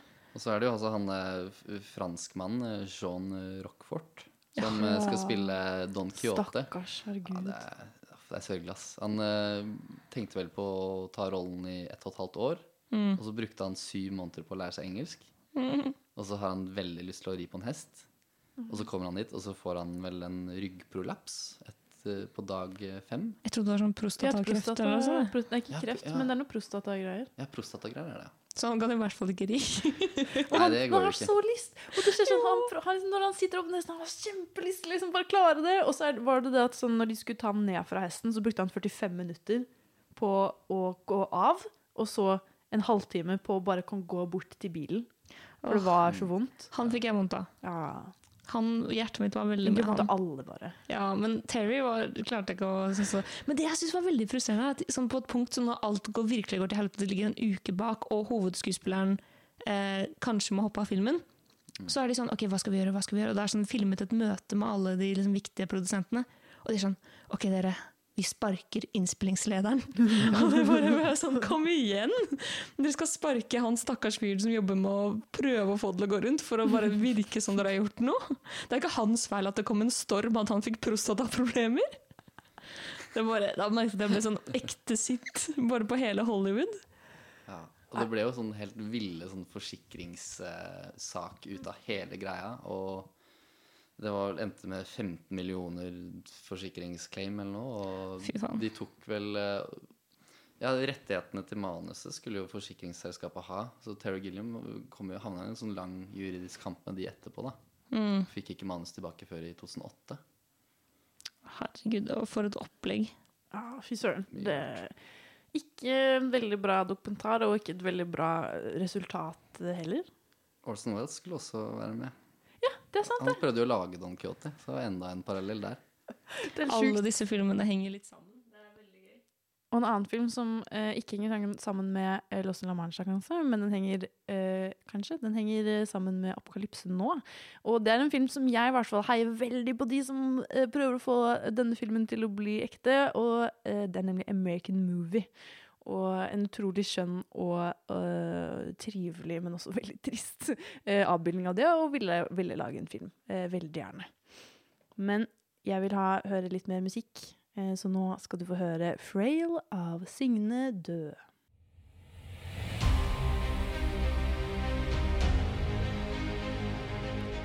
En radio.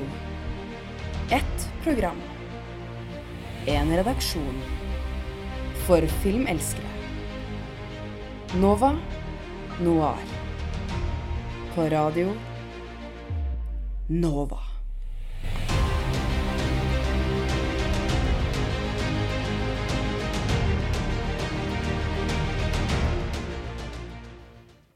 Og nå har vi jo snakket om eh, veldig store veldig store regissører sitt forsøk på å lage sånne intenst uh, altså episke filmer. Men hva med de som ikke er kjempekjente og ikke har ressursene som Og kan bruke 15 mil, eller prøve i hvert fall å bruke 15 mil på uh, en filminnspilling? Og da er det jo f.eks. American Movie. Og hva handler den om, Jørgen? Jo, uh, American Movie handler om uh, Mark Borchardt, en indie-filmskaper som uh, over en toårsperiode prøver å eh, lage drømmeprosjektet sitt, eh, som han døpte Northwestern. Men eh, for å kunne få til det, da, så, så skal han eh, prøve å lage ferdig en kortfilm som heter eh, Coven, eller Coven. Det spørs litt på hvordan du vil uttale det. Og filmen er eh, laget av en fyr som heter Chris Smith. Kom ut i 1999 og heter altså American Movie. His whole life is making this one film. You, you have two hours tomorrow from 11 a.m. to 1 p.m. and be an extra in a film? I think my mom's gonna have to end up going out in the woods. I have my shopping to do. Okay, you gotta spread apart that way. All of the extras have just fell through, except for Mike Shank right there. We used to uh, do a lot of partying together, but I don't party anymore. Hey, Mike, make sure everyone has brown gloves. Does everyone have brown gloves? No, dude, dude. Åh, man blir bare glad av å høre på det. Ja, de er kjempesøte sammen. Det var jo et lite utdrag fra traileren der. Der kan du høre Mark eh, som eh, ber moren sin om å være statist når eh, alle statistene faller gjennom. Og så hører du også barndomskompisen hans, eh, Mike Shank, som er en utrolig skjønn figur. Jeg følte bare, når jeg så den Det tok veldig lang tid før jeg trodde på at det var en dokumentar. Fordi de er så utrolig karikerte, og du bare Det er sånn det er, De er så typete. Eh, og jeg føler at disse pa- type personene har blitt gjort narr av eh, i så mange andre filmer. Men det er bare sånn de er. Han er bare, de er bare søte har bare veldig, veldig, veldig lyst til å lage en film og bli kjent. For det jeg forsto altså, samme, Jeg satt og bare sånn Er dette fiksjonsfilm? De er ikke sånn på ekte Fordi så vi på Napoleon Dynamite slash That 70's Show? Det var sånn det føl Sånn, de føles ikke som ekte mennesker, de føles som sitcom-karakterer. Men du blir jo så sinnssykt glad i de. Og du, tror, du vil så veldig gjerne at de skal få det til å bli filmskapere. Altså, sympatien er jo helt på plass, i hvert fall denne filmen. Det, du heier jo virkelig på Mark og Mike, da. På at de skal få til den, eh, den eh, heksefilmen deres. Eh, Men så støter de på et lass av problemer, de også. De har jo ikke noe finansiering. Han Mark er jo oppi, opp til halsen med regninger og det ene og det andre. Og det um, Han sliter jo veldig med å få tak i folk. uh, crew. Og det er egentlig ingenting som går etter planen. Men han er jo til tross for alt utrolig hardtarbeidende fyr. da. Og har veldig smittsom energi og snakker uh, utrolig fort bare.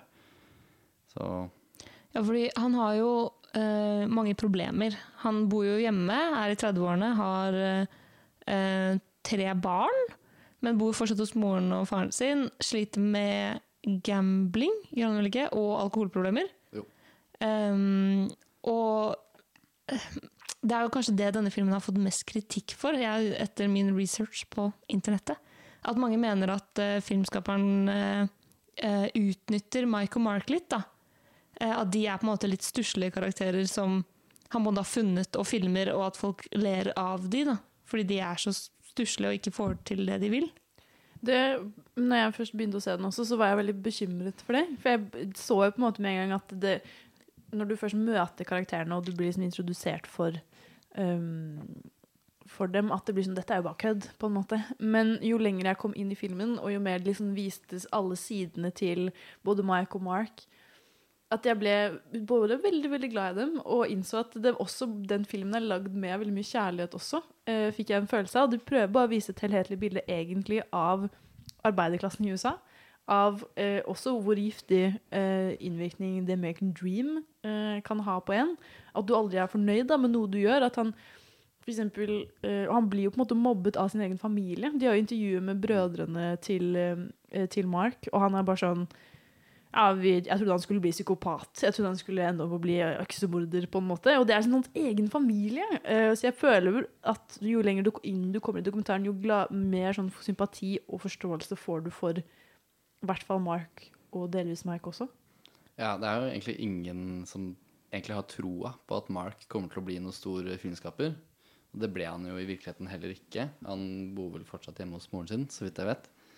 Eh, ikke at det er noe feil i det, men uh, også, Men det er jo, ja, som du sier, at familien, sin, hans egen familie tror ikke på han.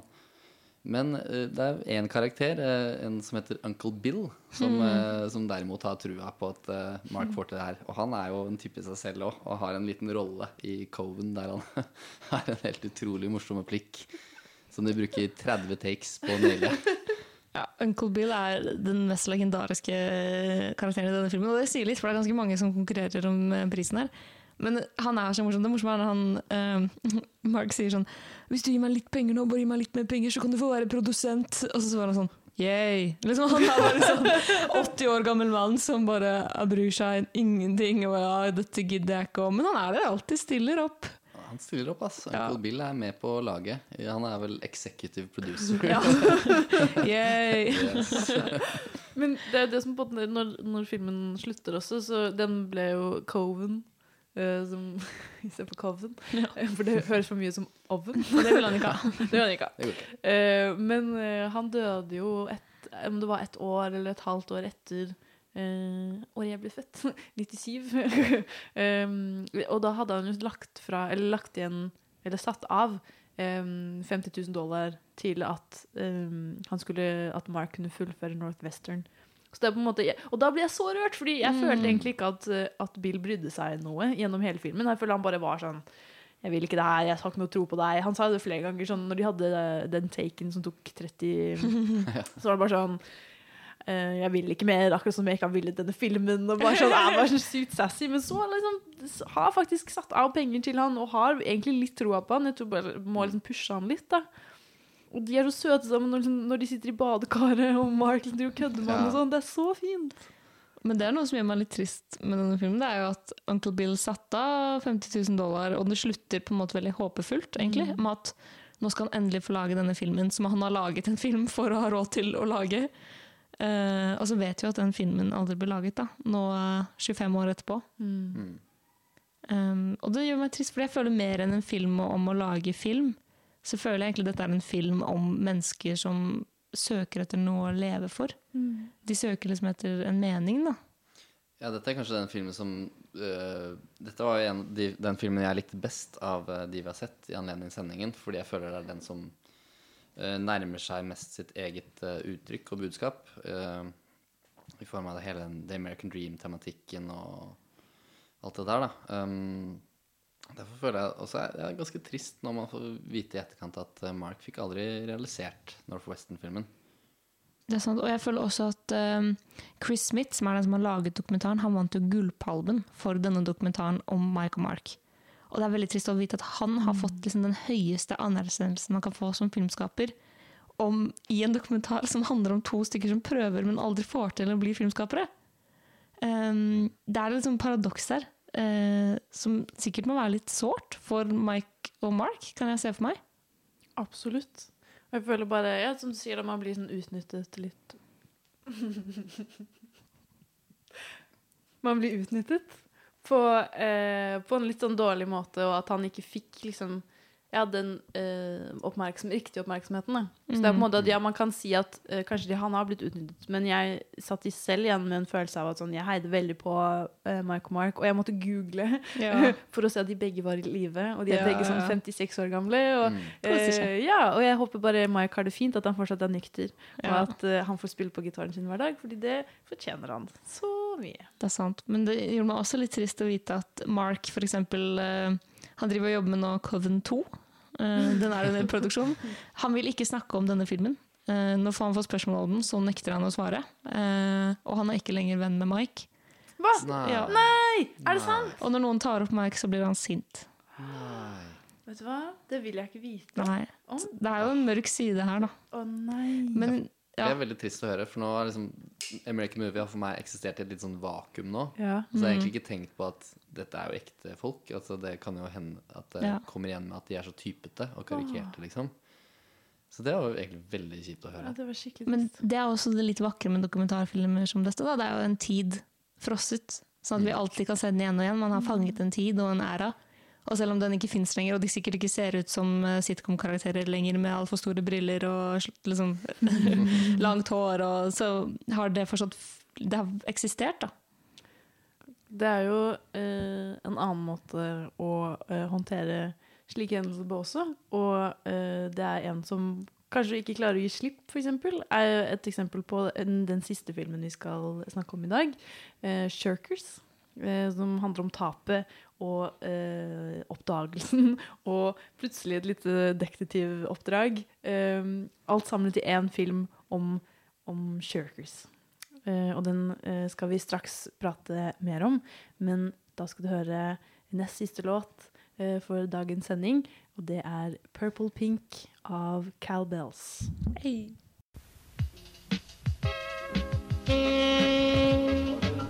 Alle tre, og så kommer Edmund og bare What the fuck? Har du sett Parasite? Ja. Har du sett Parasite? Du vet når hun gjør den der, den der Husker jeg ikke Å, shit, shit. Uh, Nova Noir.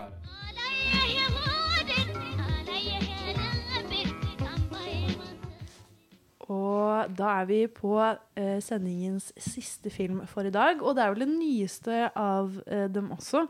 Shirkers, eh, som også handler om en tapt film, men på en på litt annen måte, eller hva, Emla? Eh, ja, fordi Shirkers er en britisk-amerikansk dokumentarfilm fra 2018.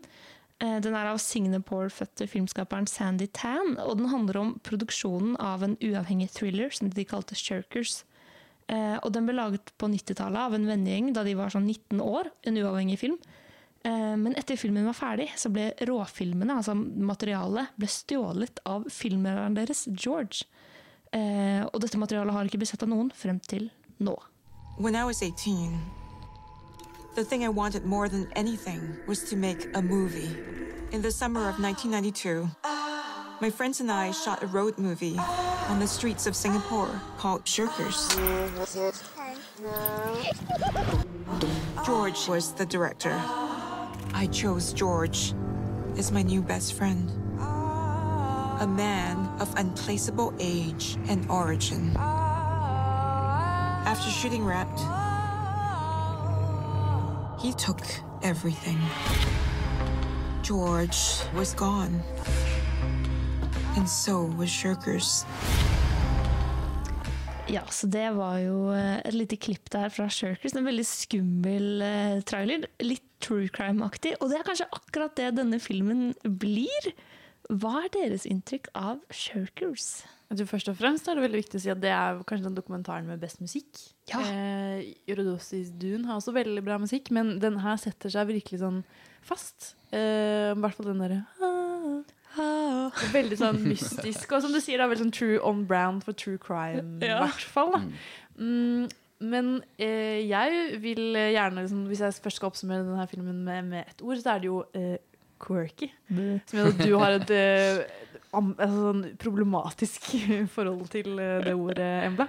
Men altså, bare sånn, hun begynner på en måte eh, Hun Sandy, da, som har regissert, begynner jo på en måte filmen med å introdusere seg selv og bestevenninnen Jasmine. Blant annet ved at de jobbet med dette fanscene um, Jobbet med denne fansiden, de, men de fikk ikke lov til å være med fordi we were too punk for them. Og det er det jeg føler sånn Hele filmen handler om at hun er så sykt edgy, og at hun er så sykt kul, og at hun er et tapt geni, at hun lagde den beste filmen Nei, noensinne nei, for mange år siden, men det ble ikke noe av, og det er ikke noe lyd. Så jeg blir ikke veldig imponert. Nå eh, Nei, vet du hva. Du, kan ikke, du har ikke lov til å sitte der og bare 'Jeg hadde tro på Jodorowsky', men Ja, trashe. Sandy!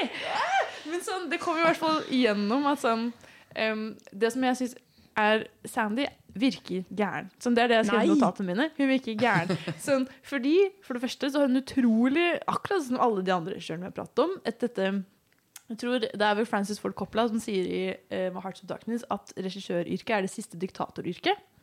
Og det kommer utrolig tydelig fram, i hvert fall i Shirkers, at uh, Sandy er en har vært en vill diktator. Eh, fordi hun, Først så bryter hun inn i alle intervjuene hun har. Så hun bare sånn, Vent litt, kan du si det på, Kan du snakke mer om denne tingen? Kan du ikke eller, Hun skal alltid liksom ha noe å si. Samtidig vi er imponert over at hun viser for eksempel at Jasmine, den beste karakteren, eller beste personen, er sånn Du er en drittsekk. og at hun innrømmer selv at hun er en drittsekk, men samtidig, hun er gæren. Nei. Altså, for det første dette er, Lytter, ikke hør på Ina.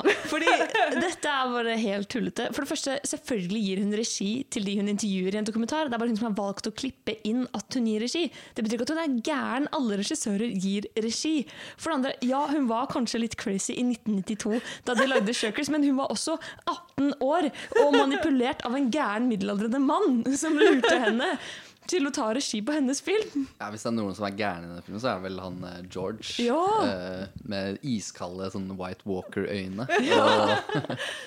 Som er liksom ganske tydelig ond fra starten av, egentlig. Og du, de, de røper det ganske fort, at det er han Ja. som stjeler den. Ja, Det legger ikke skjul på at han er ond. De klipper jo en skumle bilder av han i slow-mo med skummel musikk. Sånn Dronelyder og masse greier. Uh, og så starter det egentlig som en ganske sånn fin sånn utforskning av kreativitet og unge filmskapere i Singapore, da, som man ikke eh, hører så mye om. Mm. Eh, og så utvikler det seg til en sånn true crime-greie i akt to der, hvor de skal prøve å finne ut av hvem, hvem er egentlig George, og hvor er disse filmrullene hen. Det jeg synes var aller morsomst med eh, George som person, er at George endrer fødselsdato for å bli løve. Og jeg er løve, så jeg, bare, jeg ble veldig smigret av, eh, av Georges oppførsel. Utenom det virket han som helt, et helt forferdelig menneske. Ja, Jeg syns denne filmen er så spennende, fordi den begynner jo som dette eh, egentlig coming of age-portrettet av denne jentegjengen i Singapore som har sånn drøm om å bli filmskaper, men blir sånn jobbet imot. Og, eh, men så får de det faen meg til, da. Og de liksom det er egentlig en skildring av et Singapore som ikke fins lenger. Det my handler mye om det òg. At uh, denne filmen de lager, er ikke bare det at Sandy har lyst til å bli uh, neste Tarantino, liksom. Det er også det at denne filmen betyr så mye om henne, for de lager en film for å vise det sist, altså Singapore for siste gang. da. Singapore som er vei, på vei til å bli tatt av globalisering. Og det er sånn, nå skal vi eh, kapre det Singapore vi har hatt. Og de lager denne filmen som hele liksom, jeg føler hele byen bare blir med og hjelper til å lage denne filmen. Og det er en veldig fin del av filmen hvor du ser hvordan liksom alle samarbeider for å få til Sandy sin film. Og når, når du vet alt det, at liksom hele byen har kommet sammen for å få til dette, og alle har hjulpet til, og alle har bidratt, og de har lagd en faen meg spillefilm, masse 19-åringer har lagd en hel spillefilm, så kommer det en fuckings creepy filmlærer og stjeler filmen! Da skjønner jeg at det er vondt. Hva er det fordi du er redd for at det skal skje med deg selv, egentlig? Ja. det er det jeg frykter. Nei, men det er jo også veldig spennende, fordi én ting er Jeg er kanskje ikke så fan av den true crime-viben som filmen tar, for den blir kanskje litt for true crime. Hvorfor tok han filmen? Mm. Men jeg liker veldig godt konseptet av at han har tatt filmen, fordi jeg føler at det er, veldig sånn, det er en stor metafor. på en eller annen måte sånn, Han stjeler unge personers drømmer, og de finner ut at han har løyet masse. Og det mest creepy av alt syns jeg at i- han har jo hatt denne filmen i 20 år uten å gi den til noen, men han har hatt et eget rom til den i huset sitt som er avkjølt så den ikke skal bli ødelagt. Så han har behandlet den som en kidnappet person. Holdt den i live, men ikke gitt den til noen.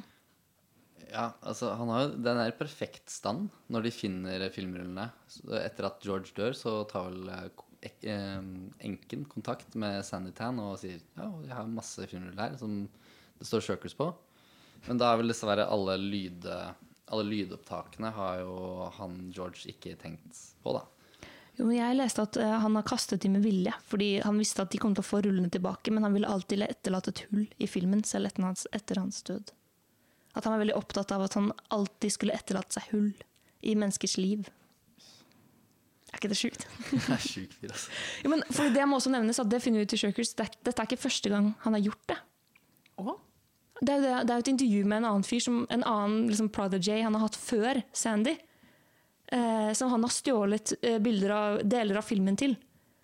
Oh ja, jeg fikk ikke med meg det. Jeg bare fikk med at han ble veldig sjalu.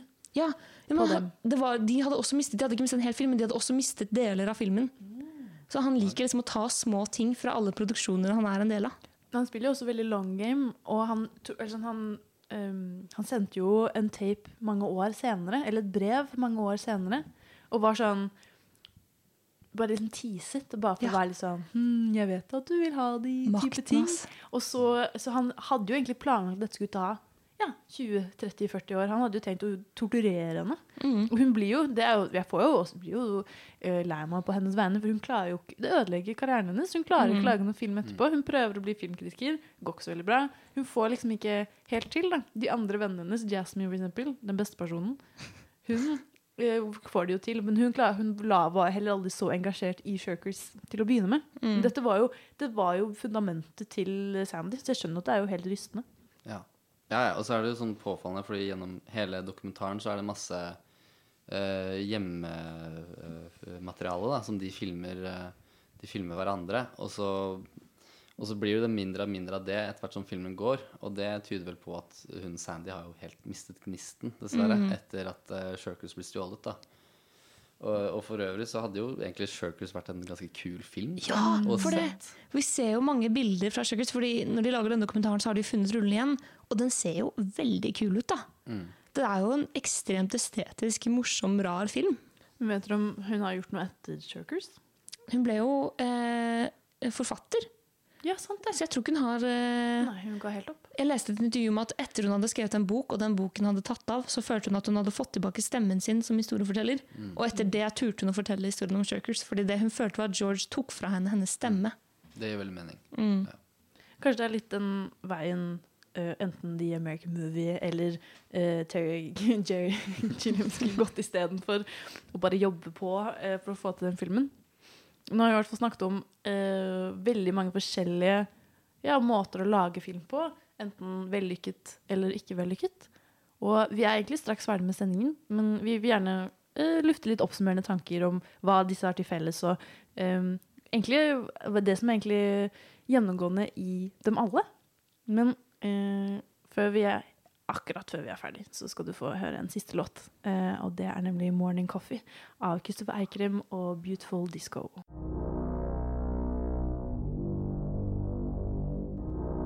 Du hører på Nova Noir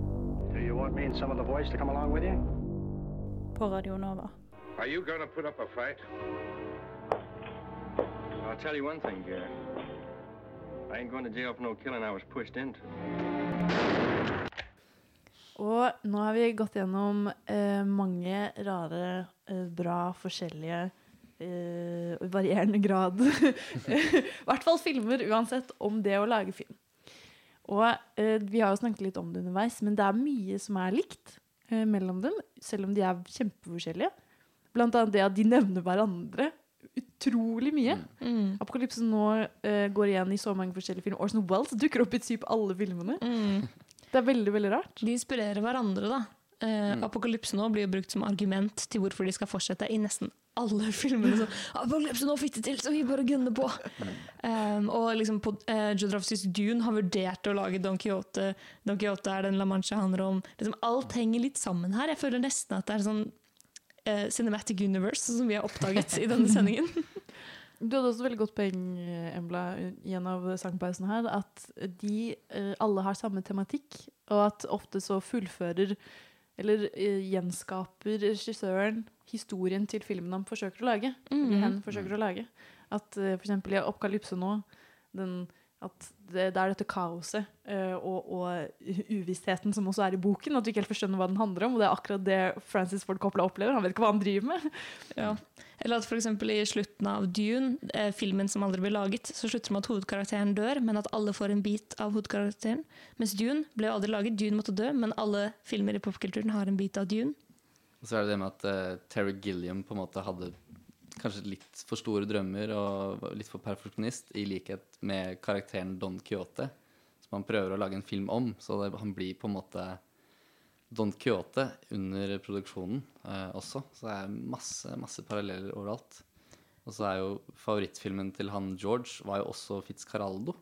Mhm. Også, så det er mange, mange fellesnevnere her. Ja. Det er gøy å se, fordi det får meg til å virke Eller det, det får meg til å føle at måte, livet og filmkunsten henger eh, mer sammen enn man ser hvis man bare ser filmen. Da. Disse bakomfilmene har på en måte gitt meg et større perspektiv på hva det vil si å lage film. Ja, de er på en måte i dialog med hverandre, da. Jeg følte at eh, jeg fikk en veldig, sånn god, et veldig godt inntrykk først og fremst i hvordan, hva som kreves for å lage en film. Alt, eh, alt som skal klaffe, og alt som kan gå så utrolig, utrolig galt. Eh, og jeg får en helt annen respekt for de filmene vi har snakket om, og generelt bare om filmskaping. Det at man tenker at ja, det, du må bare få masse penger, og så går det greit. Nei, det er utrolig mange elementer som må fungere på akkurat riktig tidspunkt for at det skal bli bra. Og at kanskje til og med de uheldighetene er nettopp det som gjør en film utrolig bra også. Da. Så det er, veldig, det er en dualitet der, da. Absolutt. Jeg synes det er spennende, fordi I slutten av Hearts of Darkness så sier jo Francis Ford Coppola eh, og dette var jo på slutten av 70-tallet, at han ser for seg at fremtiden på film er at eh, en tjukk jente fra Ohio finner et kamera og bare begynner å lage, blir neste Mozart og bare lager kunst liksom, på et digitalkamera. Eh, og det er på en måte litt den verden iPhones og telefoner og sånn er åpne. Nå kan alle lage film. Eh, men jeg føler fortsatt ikke det har skjedd kanskje noe helt sånn sjukt med filmmedium. eller måten, fordi det han snakket om var at han, han håpet at hele den eh, pengene og det profesjonelle og liksom alt det businessete skulle falle litt ut av film. At film skulle handle mer om å skape som en ekte kunstform. Um, og jeg syns det var veldig inspirerende. Det endret mitt syn på film litt.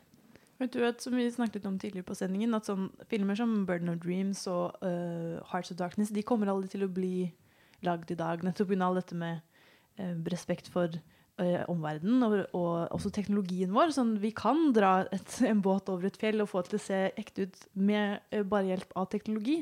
Så vi kommer til å få et helt annet filmklima også eh, enn det vi hadde på 70- og 80-tallet, åpenbart, på godt og vondt.